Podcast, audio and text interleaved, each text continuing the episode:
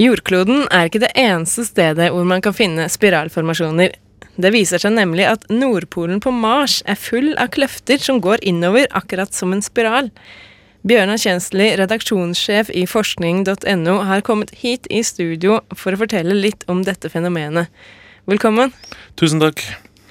Eh, vi kan kanskje begynne med å danne oss et bilde av hvor stor denne spiralformasjonen på Mars egentlig er.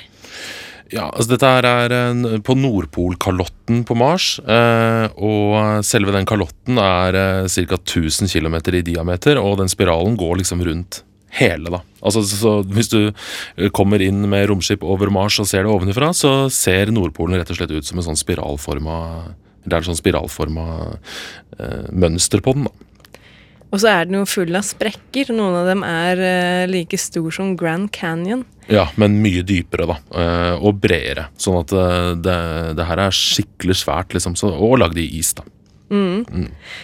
men hva er det egentlig som har klart å lage dette mønsteret? Det er en, eh, en, kombinasjon av den isen og noe som heter eh, fallvinder. Eh, det er sånne vinder som vi også har på jorda, og det kommer av at lufta over polkalotten blir avkjølt, og så blir den tyngre, og så flyter den ned langs sidene eller altså over planeten, liksom, da.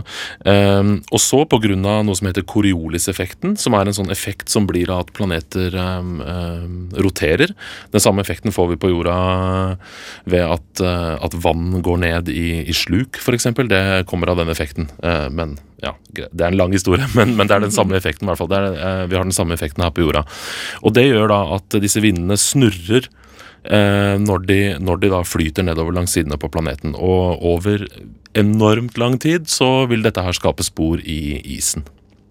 Så det er rett og slett vinder da, som uh, lager disse mønstrene i isen? Ja, det er, mellom, altså det er, både det at det er vinner vinder og at det er is. Det hadde blitt det samme mønsteret også hvis det hadde vært sand der, liksom, som hadde kunnet uh, blitt blåst rundt omkring. Men, uh, men, is og vann og snø er også ganske formbart, liksom. Så over veldig lang tid så får du dette her spiralmønsteret. Det er ikke en sånn veldig perfekt spiral, dette her som er på Mars. Den er litt sånn krøkkete, liksom, men, men det er ganske karakteristisk at du ser at dette her er et mønster, liksom. Så det ser veldig stilig ut. Og bare for å få det helt klart, det er vanlig is, sånn som vi kjenner det her i, uh, på jordkloden? Det er vannis, liksom, ja. Ja, ja. ja det er is lagd av vann. Så det, så det, er jo vann på Mars, men, uh, men ikke flytende vann. Da. Så det er ikke noe, nødvendigvis noe liv der. Det er ikke noe, ikke noe kjempeskup av en nyhet jeg står og forteller han. Det er, det er is, og det har man jo og visst at det har vært på Mars lenge. Så Mars er egentlig ganske likt jorda på den måten. Det har en nordpol og en sydpol, og der er det is. Eh, men eh, hvordan i all verden kan de forskerne vite hva det her skyldes? Mars er jo ganske langt unna.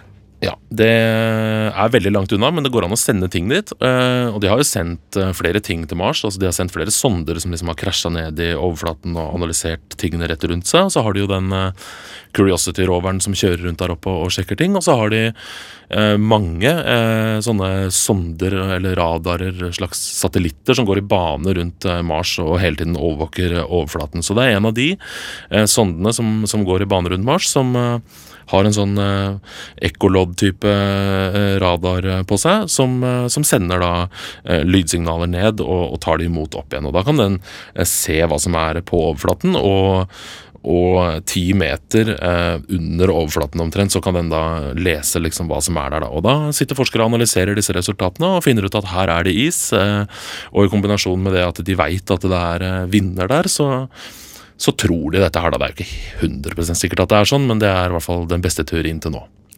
Ja, Det virker som spiraler er et ganske grunnleggende fenomen i, eh, i verden. Og det er faktisk flere, flere spiraler på Mars. Det er en annen type spiraler også, som er eh, noen sånne sneglehusspiraler som fins i, eh, i bakken bakken på Mars, altså i, i lava, for Mars har jo hatt uh, veldig mye vulkansk aktivitet uh, opp gjennom sin geologiske historie. Og da har det sittet en astronomistudent i USA og sett på bilder av Mars som ligger fritt tilgjengelig ute på NASA. Kan man jo gå og se om man finner noen fenomener selv, hvis man har lyst. Da Han har da funnet sånne bitte små spiraler, eller ser bitte små ut på bilder i hvert fall. da. Det er vel noe sånn som 30 meter tvers over. Og de er ganske perfekte, faktisk. Eller det ser ut som sånne spiraler du sitter og tegner når du snakker i telefonen, liksom. Um, så det har han sett, og, og, det har man bare da tidligere sett uh, på jorda. Så det har man ikke funnet på noen andre planeter. Så det ser ganske spennende ut. Men uh, de er ikke helt sikre på hva det kommer av? Eller? Det er en ganske sånn standard lavaformasjon, så vidt jeg skjønner. Man har funnet det før òg, uh, under, uh, under, havet, sånn rundt Galapagosøyene og sånn på jorda, hvor det har vært veldig mye vulkansk aktivitet, og også på Hawaii og sånne steder. Men mesteparten av jorda er jo dekka i enten skog eller hav, så det er ikke så lett å se sånne ting på jorda. Men man har sett det noen steder, og det fins jo sikkert nesten overalt, sånn som, sånn som på Mars. Men på Mars er det jo ikke noe. Det er bare is og, på Nordpolen og Sydpolen, og resten er liksom nakent. Så det er mye lettere å se sånne geologiske formasjoner på Mars. da. Mm. Ja, takk for at du kom hit og snakka litt om spiraler på Mars, Bjørnar Kjensli.